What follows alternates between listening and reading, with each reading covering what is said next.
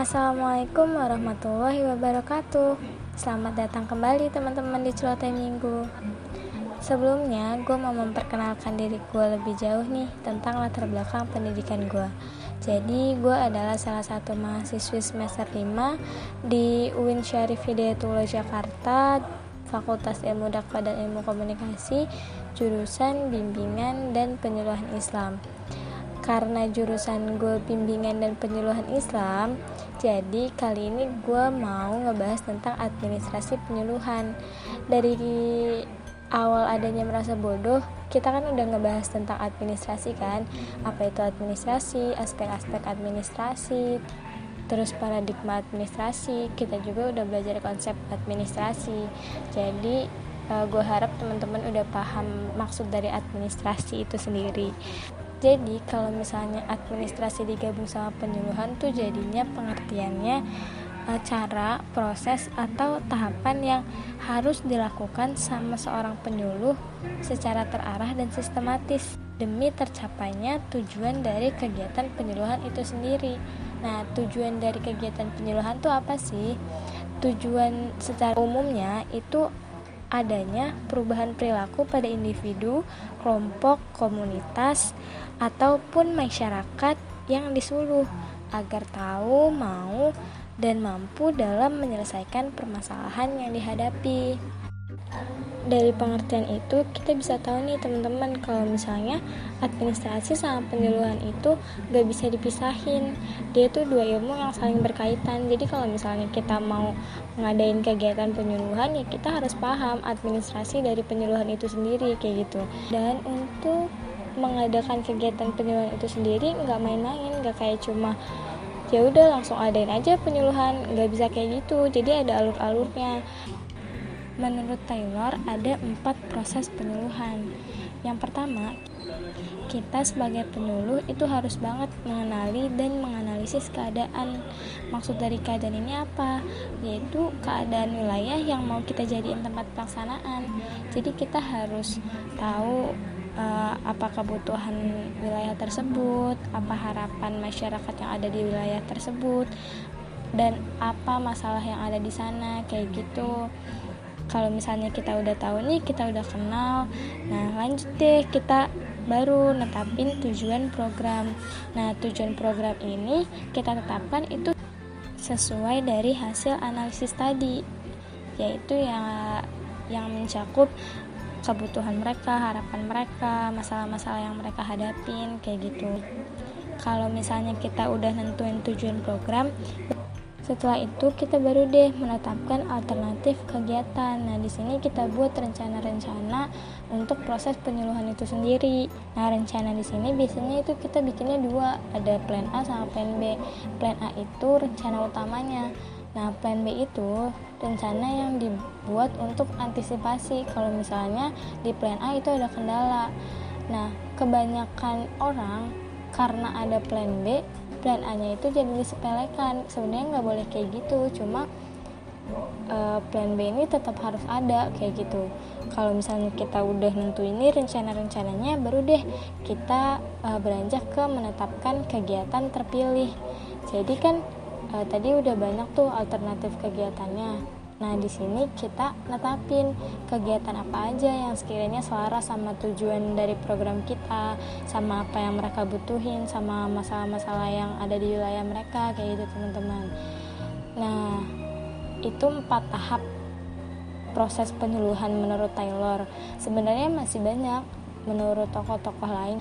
Cuma di sini gue mau bahas yang menurut Taylor aja ya. Dalam proses penyuluhan itu tujuannya dulu yang dirancang. Ini sama banget kayak uh, dalam administrasi ya. Dalam administrasi juga kan kita harus kayak nentuin dulu tujuan kita apa. Setelah kita tahu tujuannya baru deh kita ngerencanain gimana caranya biar kita bisa mencapai tujuan tersebut. Jadi klop banget kan ya administrasi sama penyuluhan. Jadi itu teman-teman yang bisa gue sampaikan tentang administrasi dan penyuluhan. Semoga uh, bermanfaat ya apa yang gue omongin ini dan maaf juga karena gue juga masih belajar. Dan terakhir teruslah merasa bodoh. Pokoknya jangan capek ngerasa bodoh. Terima kasih udah ngedengerin sampai sejauh ini. Sampai jumpa lagi.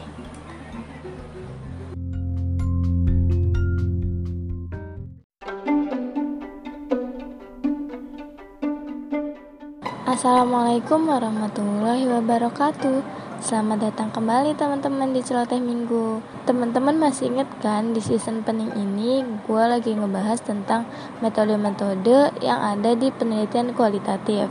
Minggu lalu gue udah ngebahas tentang etnometodologi. Nah minggu ini gue mau ngebahas tentang case study atau studi kasus. Ini juga salah satu metode yang bisa kita gunain dalam penelitian kualitatif.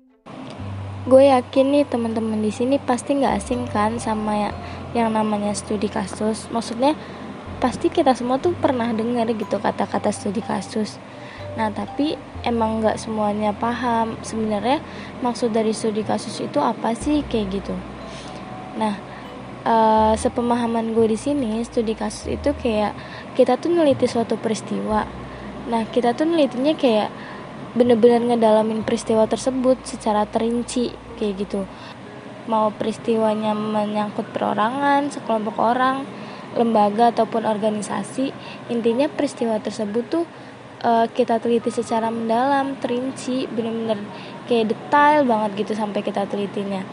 Nah uh, peristiwa di sini peristiwa yang kita teliti itu disebutnya kasus sebenarnya nggak sembarangan sih kasus yang bisa kita teliti dalam penelitian studi kasus ini. Sebenarnya kasus kayak gimana sih gitu?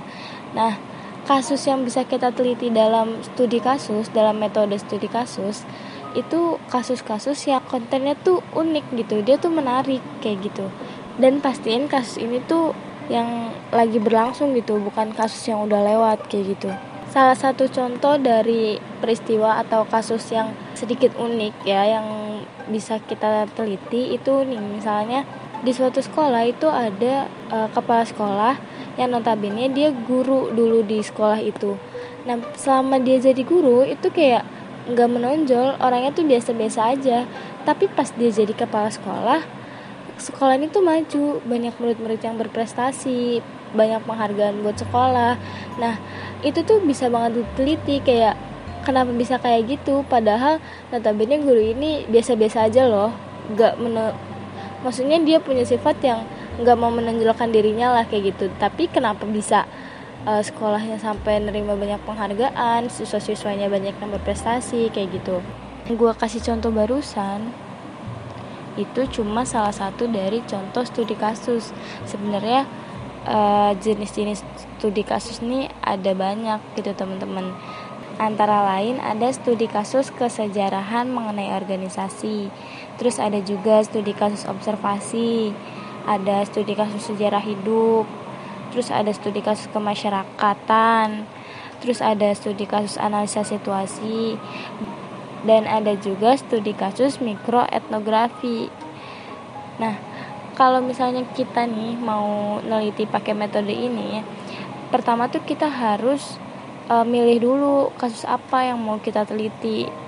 Nah kayak yang tadi gue bilang kasusnya tuh nggak sembarang kasus. Kayak kasus ini tuh harus yang sedang terjadi gitu bukan kasus yang udah selesai masalahnya. Dan sebisa mungkin kasus itu tuh hal yang menarik gitu yang unik. Kalau misalnya kita udah tahu nih kasus apa yang mau kita teliti habis itu kita harus cari nih sumber-sumber data tentang kasus tersebut. Nah otomatis di situ kita uh, melakukan pengumpulan data dong. Pengumpulan data ya dari sumber-sumber yang kita udah tahu juga lah udah analisis kayak gitu. Kalau misalnya datanya udah kekumpul nah kita bisa banget langsung menganalisis data tersebut. Sebenarnya analisis data nih kapan aja sih dilakuinnya? Nah analisis data ini kita lakuin kayak dari kita neliti di lapangan terus waktu ngumpulin data sama setelah semua data terkumpul itu kita udah mulai harus analisis data. Setelah kita selesai analisis data, kita juga harus membuat perbaikan. Maksudnya gimana? Perbaikan ini kayak data-data yang kita temuin di lapangan itu uh, kita analisis lagi gitu. Nah, kadang kadang di perbaikan ini kita juga harus kayak balik lagi ke lapangan atau barangkali kita harus membuat kategori baru gitu dan data baru itu bisa dikelompokin nih dalam kategori yang udah ada kayak gitu. Kalau misalnya udah selesai perbaikan baru deh kita tulis laporannya kayak gitu teman-teman. Itu sih sedikit yang gue pahamin tentang case study atau study kasus. Ya semoga aja uh, gue bisa ngebantu gitu ya dengan gue bikin podcast ini. Gak lupa gue ucapin makasih buat kalian udah bertahan sejauh ini buat dengerin celotehan sampai jumpa lagi